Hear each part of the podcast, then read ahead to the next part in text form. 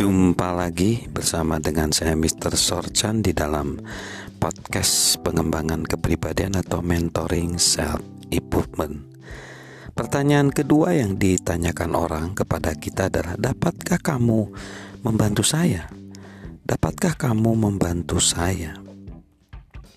Ada seseorang bernama Tom Errington.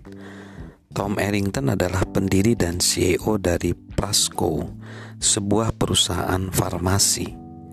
Ia berkata bahwa ia berhutang atas keberhasilannya pada satu pertanyaan yang selalu ia tanyakan di setiap segala sesuatu atau situasi.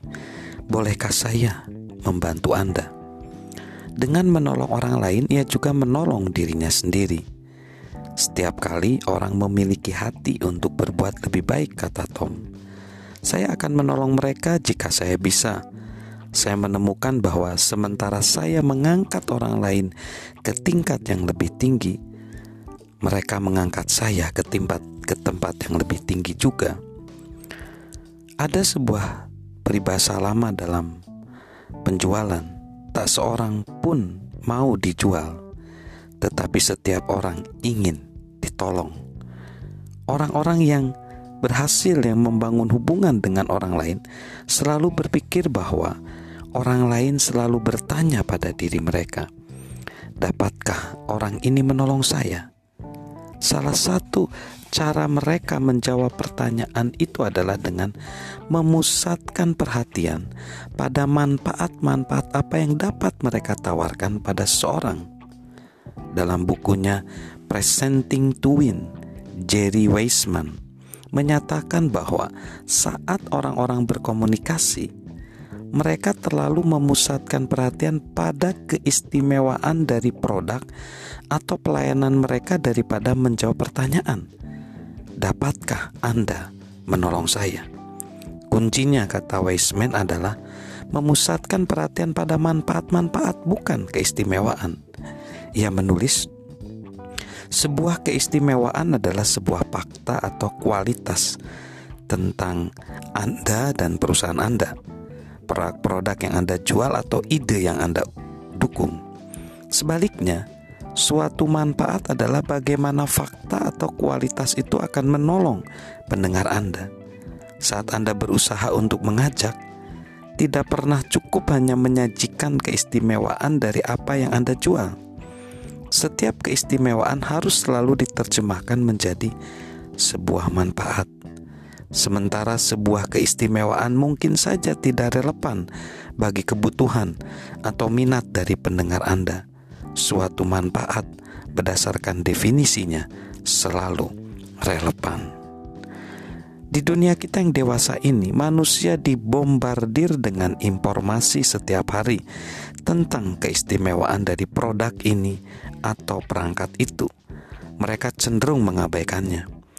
Jika kita ingin menangkap perhatian seseorang, tunjukkanlah bahwa kita bisa menolongnya. Lalu, pertanyaan ketiga, dapatkah saya mempercayai kamu? Dapatkah saya mempercayai Anda? Pernahkah kita membeli sebuah mobil? Jika ya, bagaimana pengalaman itu? Bagi banyak orang, itu buruk sekali karena mereka tidak mempercayai orang yang berusaha menjual mobil itu. Kebanyakan industri itu nampaknya dirancang untuk membuat para pelanggannya ragu, skeptis, dan curiga. Kepercayaan itu penting bagi bisnis apa pun. Kenyataannya, itu penting bagi kehidupan itu sendiri. Penulis dan pembicara Jeffrey Kitomer mengatakan bahwa kepercayaan itu bahkan lebih penting daripada kasih. Jika kita telah membeli sebuah mobil, maka kita melangkah masuk ke showroom mobil. Entah kita sadar akan hal ini atau tidak, kita memandang kepada sales itu dan dengan hati mengajukan tiga pertanyaan. Apakah Anda peduli kepada saya? Dapatkah Anda menolong saya? Dapatkah Anda dipercaya? Mungkin saja selama pengalaman pembelian mobil yang buruk, kita tidak dapat menjawab iya untuk ketiga pertanyaan itu. Kita bahkan mungkin selama ini tidak dapat menjawab ya untuk satu dari ketiga pertanyaan itu. Sebagai akibatnya, kita tidak menjalin hubungan dengan orang yang bersangkutan. Secara alamiah, secara alamiah itu bukannya pengalaman setiap orang. Kenyataannya, Emran Bojawala menulis tentang pengalamannya dengan liot seorang mobil di wilayah Washington DC yang sangat suka menolong dapat diandalkan dan terpercaya. Emran membeli sebuah mobil saat masih menjadi mahasiswa dan ia bahkan membeli sebuah mobil darinya setelah Emran pindah ke Minnesota. Saat saya ingin membeli sebuah mobil, Emran menjelaskan, saya tidak perlu khawatir tentang apa saja. Saya memberitahukan kepadanya anggaran saya dan terbang ke Virginia untuk mengambil mobil yang belum pernah saya lihat sebelumnya. Emran kemudian menyetir selama 23 jam untuk tiba kembali di rumahnya. Ia adalah legenda dalam hal penjualan mobil di wilayah dekat sekolah saya, tulis Emran.